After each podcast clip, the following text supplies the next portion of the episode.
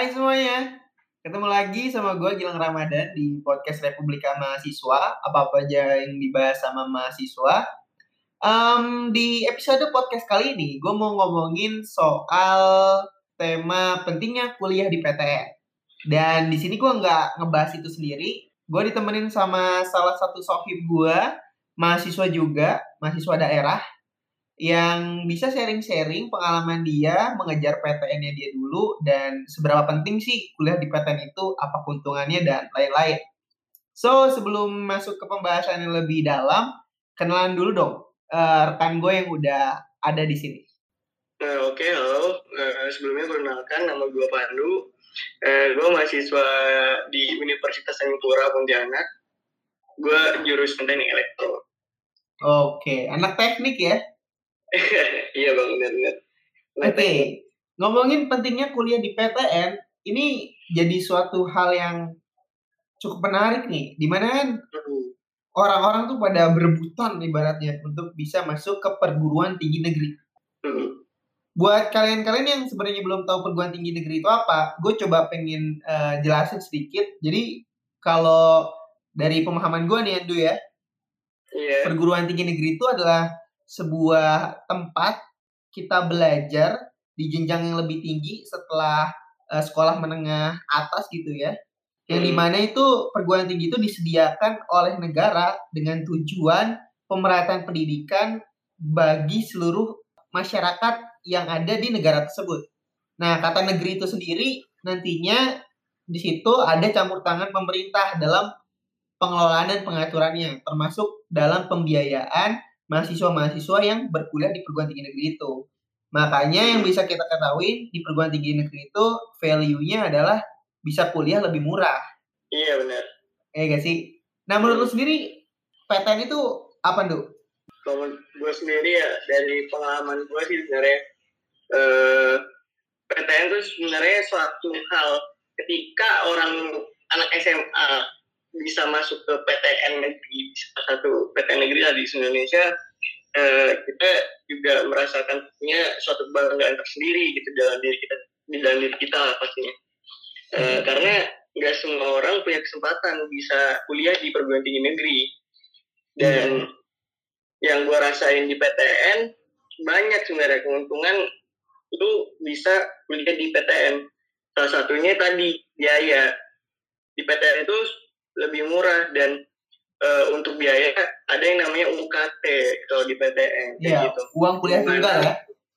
Mm, yang mana UKT itu menyesuaikan dengan uh, apa pekerjaan orang tua lu sebenarnya. Kemampuan Jadi, orang tua lah. Besarannya ya, mengikuti kemampuan orang tua. Mm, Jadi dengan kemampuan orang tua bekerja dapat penghasilannya berapa itu juga menentukan uang kuliah lu berapa gitu. Iya. Udah ada pengelompokan-pengelompokannya lah. Ibaratnya hmm. kuliah itu memang sudah disuguhkan dan siapa pun hmm. bisa berkuliah di sana asal dia uh, memang apa ya berkompeten gitu ya diterima. Iya. Dan nanti untuk biaya sendiri itu akan dibantu dan dipermudah sama negara. Hmm, misalnya disubsidi sama pemerintah lah kayak gitu. Iya. Pendidikan kita. Makanya kalau misalkan gue suruh di breakdown gitu ya keuntungan-keuntungan PTN ya. Tadi poin hmm. pertama yang lo bilang, kita akan yeah, iya. merasa yeah. lebih pride, hmm. bangga. Iya gak sih? Woi, gue masuk yeah, ini, gue masuk ITB nih, woi, ya kan? Iya, iya. Yeah. Jadi kebanggaan banget. Terus uh, biaya uang kuliah tadi lebih murah. Kita disubsidi ibaratnya setengah biaya kita, setengahnya dibiayain sama negara. Mm. Terus beasiswa akan lebih banyak biasanya di perguruan tinggi negeri. Iya benar benar benar banget banyak banget beasiswa. Iya dan kita terhindar dari yang namanya uang-uang apa tuh uang pembangunan uang hmm. macam-macam itulah hmm. biasanya. Kalau memang masuk jalurnya itu jalur reguler ya untuk ke perguruan tinggi negeri itu. Hmm. Gitu sama lingkungannya sih lingkungannya itu paling penting juga. Iya lingkungan nomor satu sebenarnya. Makanya kenapa orang-orang itu berseleksi dengan apa ya beratnya untuk masuk perguruan tinggi negeri karena yang masuk perguruan tinggi negeri apalagi yang favorit adalah orang-orang terpilih orang-orang yang paling hebat. Nah karena ada itu juga akhirnya tersegmentasi nih anak-anak yang perguruan tinggi hebat ya isinya adalah individu-individu hebat. Kalau Iya, individu-individu hebat itu kumpul, ya jadilah lingkungannya kompetitif. Makanya keras banget loh ibaratnya kita ngerasain lah ya. Iya benar. Misalkan kayak masuk ITB nih, wah. Hmm. Misalkan lu di SMA udah ambis, wah lu masuk ITB ketemu sama orang ambis, semuanya ambis. Iya gak sih? Itu Iya, bener. kegambar banget lah ya. Hmm. Karena kan kita berdua juga kan sering keliling-keliling eh, kampus negeri di Indonesia iya. gitu ya. Jadi kita Lihat sedikit tahu soal karakter-karakter mahasiswanya gitu. Culture dari setiap kampus yang beda-beda gitu. Nah, Duh, cerita sedikit dong soal seleksi PTN lu dulu gitu. Ya gue dulu, aduh, berjuang sih sebenarnya. Dari. SMA atau SMK gitu.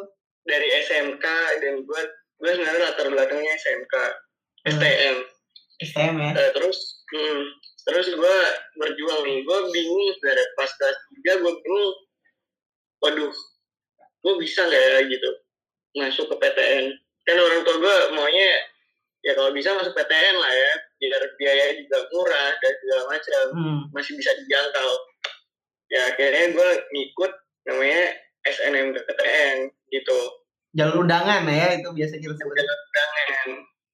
Terus gue apply, nilai rapot gue dari semester 1 sampai semester 5 ditambah sertifikat-sertifikat lomba. Hmm. Dari situ ya udah gue apply, gue pilihnya waktu itu gue nyari aman sih bang.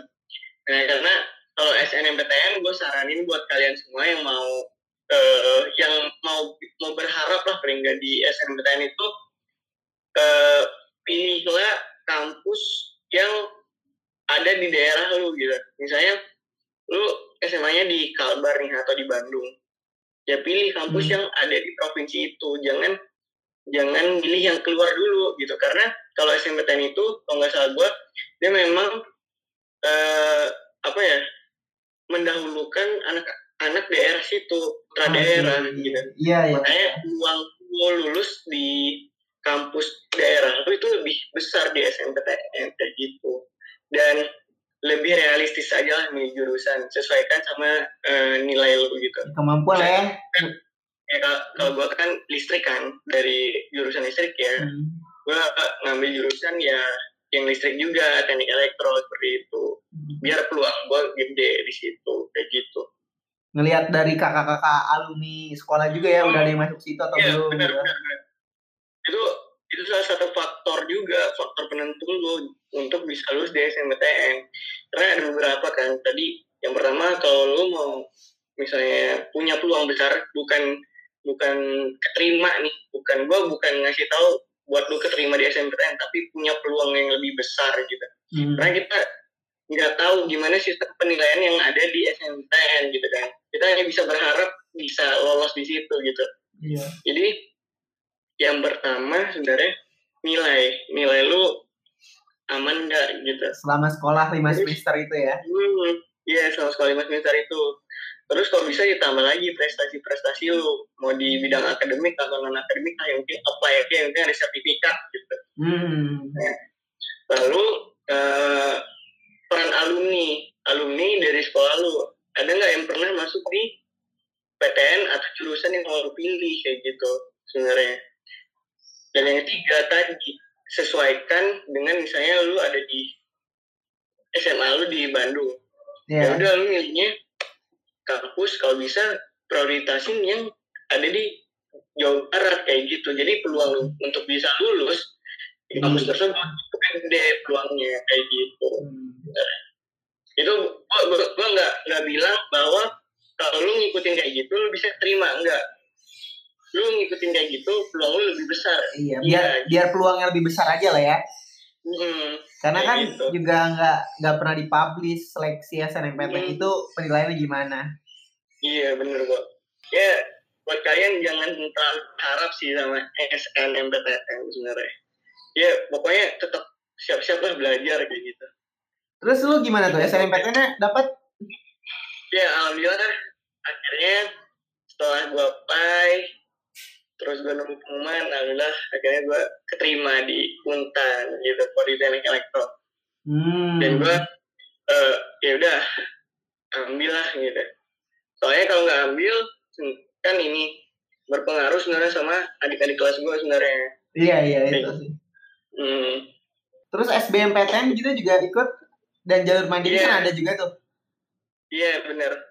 Eh, terus pas gue kemarin pas tahun gue tuh sebenarnya SBMPTN masih bisa anak yang udah ikut SN itu masih bisa ada kesempatan buat daftar SBMPTN. Sebenarnya banyak anak-anak yang udah terima SNMPTN nggak diambil karena jurusannya atau PTN-nya kurang cocok lah gitu. hmm Dia daftar SNMPTN lagi kayak gitu. Banyak yang kayak gitu. Tes lagi. Pas di zaman gue waktu itu doang. Oke oke. Ya itu ya. Jadi jalur PTN tuh kurang lebih ada tiga, SNMPTN, SBMPTN sama jalur mandiri. Dan itu bisa diperjuangin lah ya. Gue pun juga sebagai anak SMK punya ceritanya sendiri tuh untuk bisa keterima di PTN. Karena memang pandangan orang-orang saat ini bahwa kalau kuliah di perguruan tinggi negeri itu lebih apa ya prestisius, Iya. lebih te- dipandang baik lah gitu ya. Mm. kita kayak individu yang cerdas yang hebat kalau bisa diterima karena nggak semua orang bisa masuk jadi penuh perjuangan gitu tuh walaupun asal dari SMK akhirnya mencoba untuk belajar pelan-pelan pelajaran yang diujikan di SBMPTN waktu itu gue lulus SBMPTN Mm. yang which is materinya tuh pelajaran anak SMA Di SMA lah. Iya bener-bener. dan itu akhirnya nyiapin dari jauh hari tuh Iya bener. Nyiapin dari Iya. jauh hari ikut ujian dan lolos gitu Hmm. dan setelah anak setelah masuk ke PTN ya yang gue rasain bener-bener tadi memang kalau lu mau berkembang lebih cepat dibanding yang lain perguruan tinggi negeri itu menjadi tempat yang ideal sih karena lu ketemu sama orang-orang yang hebat-hebat juga Iya bener-bener.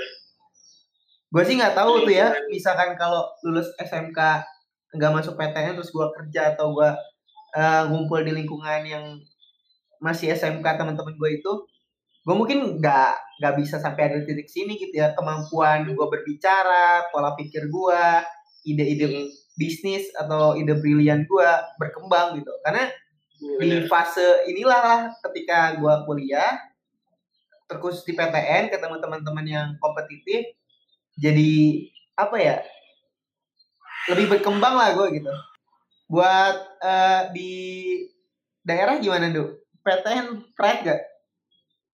Kalau buat di daerah sih, eh, di tempat gue, eh, anak-anak daerah sini sebenarnya masih minim sih bang, kayak informasi-informasi seputar PTN kayak gitu. Jadi bahkan ada dari mereka itu yang masih nggak tahu apa aja sih jalur-jalurnya buat bisa ke PTN gitu. Mereka taunya kayak cuma daftar terus tes terus dia sekedar kayak gitu bang. Mereka Hmm. masih belum tahu ada tiga kayak tadi kan ada tiga jalur masuk gitu. Sebenarnya dan buat daerah-daerah sini sebenarnya mereka rata-rata sih kuliahnya di Pontianak di Untan gitu. Dan ada beberapa yang di luar tapi kebanyakan di swasta kayak gitu. Hmm. Tapi kalau di Kalau di kampus daerah. Di kampus gue sendiri ya gue melihat tuh anak daerah kebanyakan kalau nggak anak bidik misi yang dapat beasiswa full itu Hmm. mereka-mereka yang kuliah di perguruan tinggi negeri favorit di luar pulaunya gitu ya yang sampai merantau Iya, jauh iya. itu biasanya orang-orang dari SMA terbaik sekolahnya gitu loh yang udah teredukasi Iya. tadi yang lu bilang Iya benar-benar. karena masih banyak yang belum teredukasi dengan caranya bagaimana untuk bisa kuliah di PTN jadi cuman sekolah-sekolah tertentu aja gitu yang favorit dan di kota besar yang bisa kebanyakan ngirimin eh, apa namanya murid-muridnya bisa kuliah di PTN Iya sebenarnya kalau untuk masuk PTN ya eh, emang harus dipersiapkan dari SMA sih sebenarnya. Paling enggak lu bisa sekolah di SMA favorit. Ntar untuk jalan lu ke depan menuju PTN yang lu mau tuh lebih mudah misalnya jalannya tuh agak mudah gitu, Ah. agak mudah. iya itu sih dan buat yang nggak udah terlanjur sekolahnya nggak favorit ya lu akan berjuang lebih keras lah kayak anak STM Iya. SMK gitu ya Ya benar. Tapi itu bukan berarti lu nggak bisa ya itu eh lu harus belajar lebih keras aja lah pokoknya. bukan berarti lu nggak bisa semua punya kesempatan yang sama kayak gitu iyalah buat teman-teman yang dengerin podcast ini um, kalau kalian memang pengen masuk perguruan tinggi negeri ya berjuang usahakan sebaik-baiknya. Gue bisa pastikan ya di sharing podcast kali ini kuliah di perguruan tinggi negeri itu asik banget. Lu bakal ngerasain apa ya um, lingkungan yang lebih gokil lagi lah dibanding zaman zaman lu SMA yang belajar paling sama teman-teman tuh yang satu RT satu RW paling kan yang masuknya zonasi gitu kan. Kalau di iya, perguruan iya. tinggi negeri tuh teman-temannya beragam banget gitu ya lebih beragam dari swasta malah gue katakan. Iya benar karena di PTN itu adalah perwakilan dari uh, anak-anak terbaik di dari setiap daerah di seluruh Indonesia. Hmm. ibaratnya tuh perguruan tinggi tuh mencerminkan miniaturnya Indonesia lah. Iya benar. Lu ketemu sama orang budaya apa dengan sifatnya dari orang yang ambis sampai yang enggak, dari yang kompetitif sampai yang uh, punya keahlian tertentu gitu ya tuh semua ada di kampus dan asik banget men. So mungkin uh, gitu aja kali ya diskusi kita tentang pentingnya kuliah di PTN. So hmm. uh, penting banget jadi sebenarnya kalau yang lagi berjuang tuh pokoknya jaga semangatnya gitu